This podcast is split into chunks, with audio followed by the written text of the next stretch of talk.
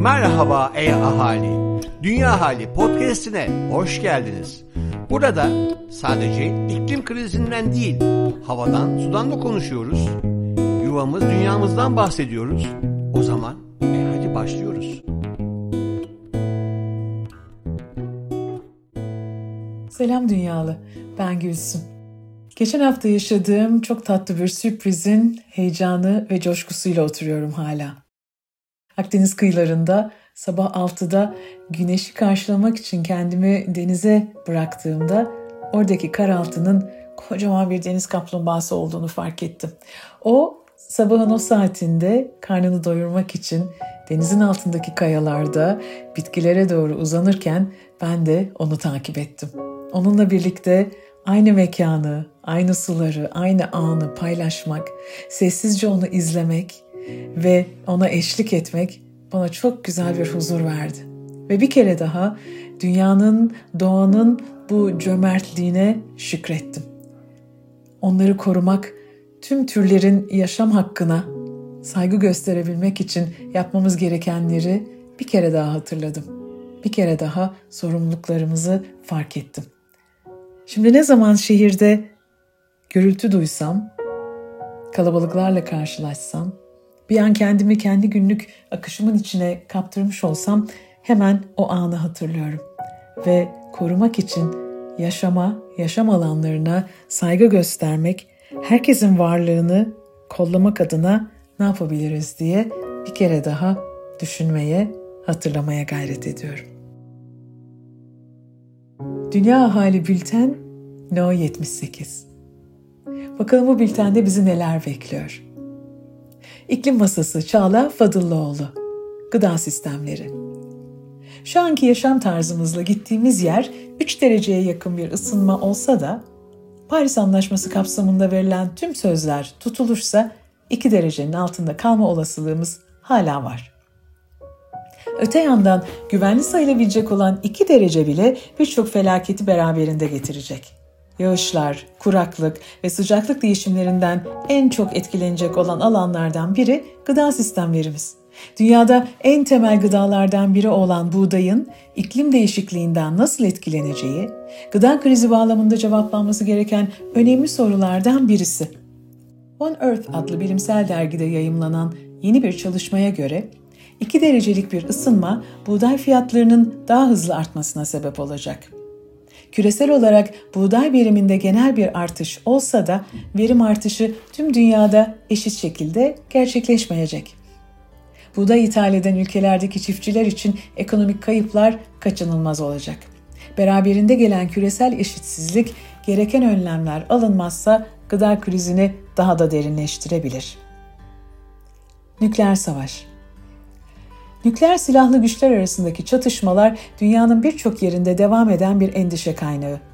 Bu çatışmalardan birisi nükleer savaş seviyesine tırmanacak olursa dünyadaki gıda arz talep dengesinin nasıl etkileneceği, küresel gıda üretimi ve ticareti üzerindeki etkileri nasıl olacağı cevabı henüz tam bilinmeyen sorular arasında.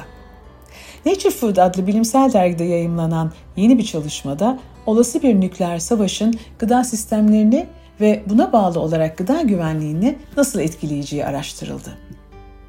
Çalışmada 6 farklı nükleer savaş modellenip etkileri incelendi. Küçük ölçekli bir savaştan sonra küresel gıda üretiminin ilk 5 yılda %7 oranında azalacağı tahmin ediliyor. Bu kulağa önemsiz gibi gelse de kayıtların başladığı 1961'den bu yana gıda üretiminde kaydedilen en büyük düşüşün neredeyse iki katı büyüklüğünde bir düşüşe eşdeğer. Büyük ölçekte olacak bir savaşın sonuçları ise korkunç düzeylerde. Küresel bir nükleer savaş 5 milyardan fazla insanı aç bırakarak medeniyeti tehdit eden ciddiyete ulaşabilir. Köşe Bucak Dünya Profesör Doktor Levent Kurnaz Bu yaz sonunda ülkemizdekilere güzel bir haberimiz var. Bu yaz iklim krizinin şiddetini yeryüzünün diğer bölgeleri kadar yaşamadık. Bunu atmosferin yapısı ve meteorolojiden gelen sebepleri var.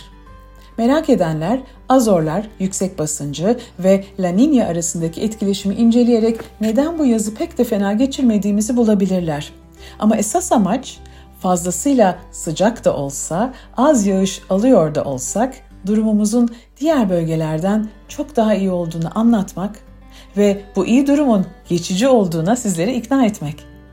Bu yazın ortasında Batı Avrupa daha önce benzeri pek görülmemiş bir sıcak hava dalgasıyla boğuşmak zorunda kaldı. Neyse ki 2003'te binlerce kişinin ölümüne yol açan sıcak hava dalgalarından alınan dersler bu sefer daha şiddetli bir sıcak hava dalgası olmasına rağmen benzer bir hasara yol açmadı. Amerika Birleşik Devletleri de o sırada kuraklık sorunuyla boğuşuyordu. Birçok eyalete su sağlayan ve kıtanın orta kesimlerinden çıkıp Meksika'da Pasifik Okyanusu'na dökülen Colorado Nehri'nin suları görülmemiş biçimde azalınca acil durum ilan etmek zorunda kalındı. Çin ise en az 70 gündür süren bir sıcak hava ve kuraklık alarmı içerisinde. Dünyanın çoğu yerinde kuraklık olması önemli bir sorundur ama bu kuraklık Çin ve Hindistan gibi yüksek nüfusa sahip iki ülkede görüldüğünde tarımda yaratacağı problemlerden dolayı çok daha büyük bir sorun haline geliyor. Sıcak hava dalgasının ardından azalan yağışlardan dolayı Avrupa'nın önemli nehirlerinin çoğu neredeyse akmaz oldu. Avrupa ve Çin'de bu nehirler aynı zamanda ticaret yolu olarak kullanıldığından sadece tarıma ve elektrik santrallerine sağlanan su miktarı düşmedi. Aynı zamanda ülke içi ve ülkeler arası ticarette bundan etkilendi. Bu iklim krizinin sadece bir yüzü. Diğer yüzünü de Pakistan, Hindistan, Avustralya ve Yeni Zelanda'da görebiliyoruz. Pakistan ve Hindistan'da bu sene normalin üzerinde gelen muson yağmurları nedeniyle oluşan can kaybı bini aştı. Avustralya ve Yeni Zelanda'da ise aşırı yağışlar nedeniyle seller görülmeye devam ediyor. Bu olaylar arasında sevinilecek bir nokta şimdiye tek okyanuslarda çok fazla siklon görülmemesi. Kısacası ülkemiz bu yazı nispeten sorunsuz atlatıyor gibi görünüyor. Ama yeryüzünün her noktası bu yaz bizim kadar şanslı değil. Bu yazı atlatmış olabiliriz ancak gelecek yazlar bundan daha ciddi problemler getirecek bize. O nedenle gevşemeden iklim krizine uyum sağlamak için ülke olarak çabalarımızı hızlandırmalıyız. Çünkü iklim krizi de hızlanıyor.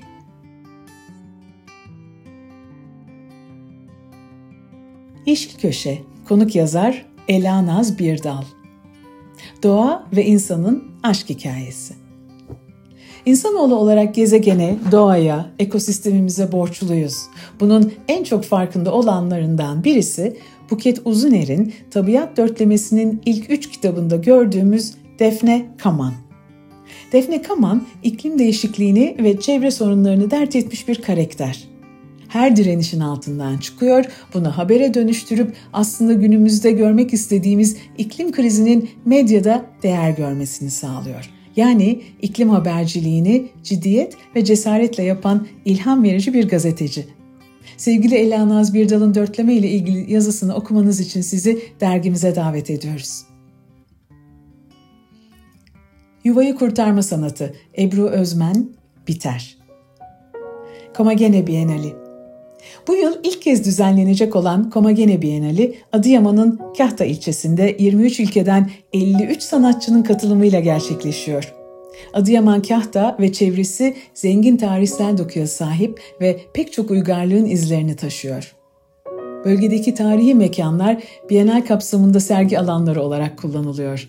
Kahta Kalesi, Nemrut Zirvesi, Cendere Köprüsü, Arsemiya Antik Merkezi ve Atatürk Barajı'ndaki adalarda farklı disiplinlerden sanatçılar doğal malzemeleri kullanarak yapacakları yerleştirmeleri sergileyecek. Komagene Bienali 20 Ekim tarihine kadar sürüyor olacak.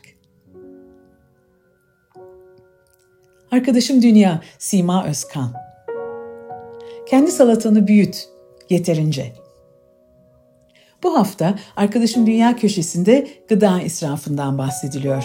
Gıdanın adımla ölçülen mesafedeki kaynağından, balkondan ya da mutfaktan emekle pahası biçilen değerinden.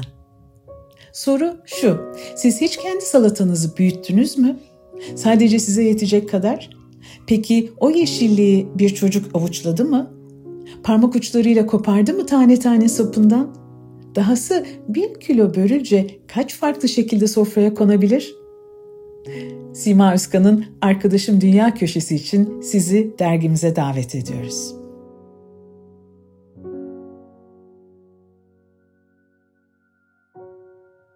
Dünya ile ilişkimiz Özüm Demirel. Varoluşçu ve hümanist psikoterapist Rollo May, kendini arayan insan kitabında kafese kapatılan adam imgelem deneyinden bahsediyor. Deney özetle şöyle. Haftanın beş günü aynı rotayı izleyerek işe gidip gelen, formalite icabı ailesiyle ilgilenen, tek düzede olsa her şeyi yoluna sokmuş olan bir adam bir gün kral tarafından kafese kapatılır. Başlangıçta adam şaşkınlıkla travmayı kaçıracağım işe gitmem lazım diye bağırır. Sonra büyük bir öfkeyle bu adil değil ve kanunlara aykırı diye isyan eder. Bolca yiyeceğin, rahat bir yatağın var ve çalışmak zorunda değilsin. O halde neden itiraz ediyorsun? denildikçe adamın itirazları azalır ve bir gün tamamen kesilir. Birkaç hafta sonra adam insana yiyecek ve sığınak bir yer verilmesinin ne kadar faydalı bir uygulama olduğunu, insanoğlunun zaten her koşulda kaderini yaşamak zorunda olduğunu ve kendi üzerine düşenin bu kaderi kabullenmek olduğunu söylemeye başlar. Sonrasında adam bunu kendi seçimi olduğunu, güvenlik ve bakımın önemli değerler olduğunu söyler. Otoritenin yaşam biçimini onaylaması için büyük bir çabayla kararını savunur. İlerleyen günlerde adam krala minnetini ifade etmeye başlar. Ne zaman yemek ya da suyu devirse yaptığı aptallık ve sakarlıktan dolayı utançla özür diler. Ancak kral yokken yüz ifadesi mutsuz bir hal alır. Adam son evreye girdiğinde ise boş ve anlamsız bir şekilde etrafa bakmaya başlar. Düzensizleşen konuşmalarında asla ben ifadesini kullanmaz. Kafesi kabullenir, duygulanmaz, konuşmaz. Ve sonunda aklını yitirir. Bazen zor da olsa soru ve seçim hep var.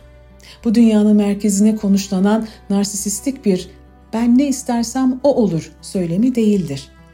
Bu hayatın gerçeğine ve bütünün dengesine meydan okuyan psikotik bir istersem her şeyi yapabilirim sanrısı da değildir. Gerçeğimizin sınırları, seçimlerimizin bedelleri vardır. Her istediğimizi yapamıyoruz, hatta bazen çok çabalasak da beceremiyoruz. Olabilir, insanız, deniyoruz, deneyimliyoruz ve ancak böyle öğreniyoruz. Kimse yaşamdan ve zamandan bağımsız da değil. Herkes bir ve biricik. Ve fakat biz kader sandığımız kafeste sustukça kimse kapıyı açmayacak. Vazgeçtiğimiz ihtimaller üstümüze kapanacak. Seçebildiklerimiz seçemediklerimiz arasında kaybolup gidecek. Gittikçe rengimiz soluklaşacak, ruhumuz sessizleşecek. Oysa her canlının rengine ve sesine ihtiyacı var yaşamın. Birbirimize ve biricikliğimize ihtiyacımız var. Soru sormak ve seçim yapmak gerçekliğimizle yüzleşme samimiyeti, öznel irademizin farkında olma becerisidir. Özgür ve özgün bir şekilde hayata dahil olma çabasıdır. Soru sormak, sorun çıkartmak değil, merak etmektir. Seçim yapmak, bencil olmak değil, ifade etmektir.'' Özgürlük yalnızca bir karara evet ya da hayır demek değildir. Nietzsche'nin deyişiyle özgürlük asıl olduğumuz şeye dönüşme kapasitesidir. Haftaya görüşmek üzere. Sevgiyle kalın.